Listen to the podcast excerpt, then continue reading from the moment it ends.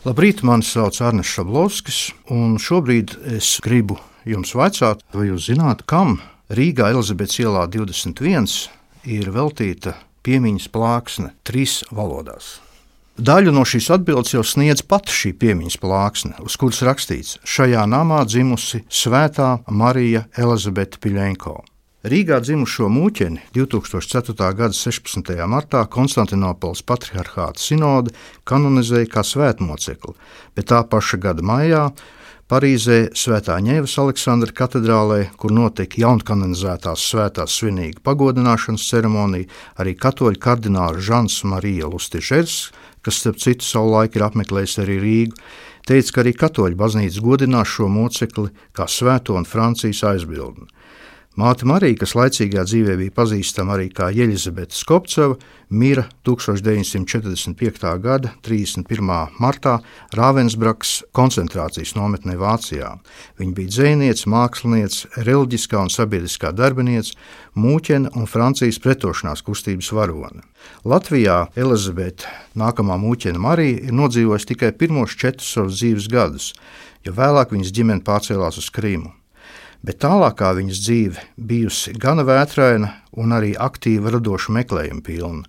Piedzīvots divas laulības, viņa ir arī trīs bērnu māte, tad visbeidzot mūķene un mocekle. Viņa nodzīvoja tikai 54 gadus, taču viņas dzīve bija tik bagāta ar notikumiem, ka daži domā, pietiks pat vairākām dzīvēm.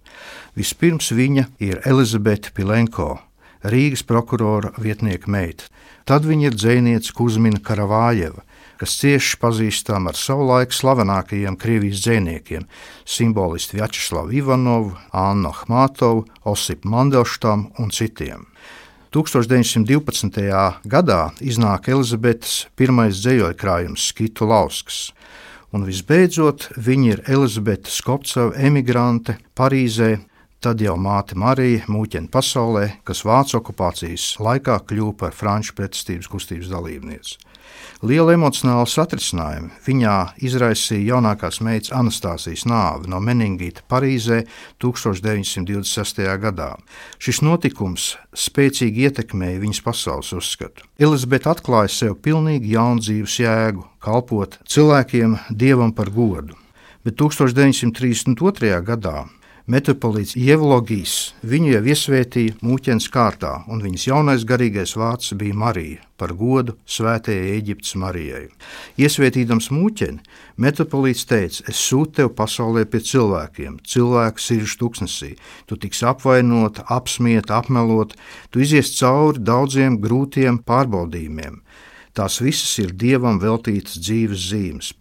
Priecājies, jo liela ir alga debesīs, un mātei Marijai to pilnībā vēlāk arī nācās piedzīvot. Saņēmusi savu garīgā tēva pazīstamāko emigrācijas priesteri Sergiju Bulgāko svētību, viņa uzsāka savu netradicionālo mūķenes kalpošanu laicīgajā pasaulē, veltīdama sevi labdarības un evaņģēlīja idejas sludināšanas darbībai.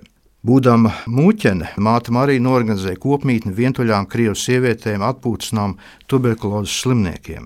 Māte Marija reiz sacīja, ceļš pie dieva ved caur mīlestību uz cilvēku.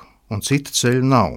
Pastarā tiesā man nejautās, vai es esmu sekmīgi darbojusies ar kādiem asketiskiem vingrinājumiem, taču vaicās, vai es pabaroju izsalkušo, vai apģērbu kailo, vai apmeklēju slimo un ieslodzīto cietumā. Nacistiskās okupācijas laikos Parīzē Mācis Marijas kopmītne kļuva par vienu no Francijas pretošanās kustības centriem. Pajumti atrada arī izbēgušie karagūstekņi, bet ebrejiem māte Marija izsniedz viltotas kristību apliecības.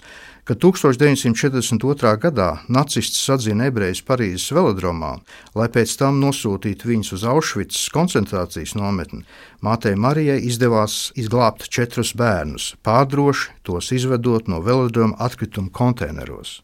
1943. gada 8. februārī nacisti arestēja mātes Marijas dēlu Juriju, bet nākamajā dienā jau tika arestēta arī pati māte Marija. Viņu ieslodzīja Romensvilas forta cietumā, bet pēc tam nosūtīja uz Ravensburgas koncentrācijas nometni. Dēls Jurijs gāja bojā 44. gada 6. februārī koncentrācijas nometnē Dorā, bet uh, dzīve Koncentrācijas nometnē māte Marija tomēr nesalauza. Viņa turpināja rakstīt dzējoļus, tie gan diemžēl nav saglabājušies, apkopa slimos un pat uzmodināja pārējās gūsteknes. Vēl pirms savas bojājējas māte Marija pravietiski rakstīja: Nekliedz un neraudi pēdējā dienā, vienalga nav lemts to novērst nevienam. Tiem, kas garām nejauši gāja, dvēseles atslēgas es dāvināju. 1941. gada 31. martā, nedēļu pirms Ravensburgas koncentrācijas nometnes gūstekņa atbrīvošanas, māte Marija gāja bojā gāzes kamerā. Pēc vienas no versijām viņa labprātīgi devusies uz gāzes kameru kādas citas jaunas sievietes ebrejietes vietā, ar viņu apmainoties ar virsjaku un ieslodzītās numuru.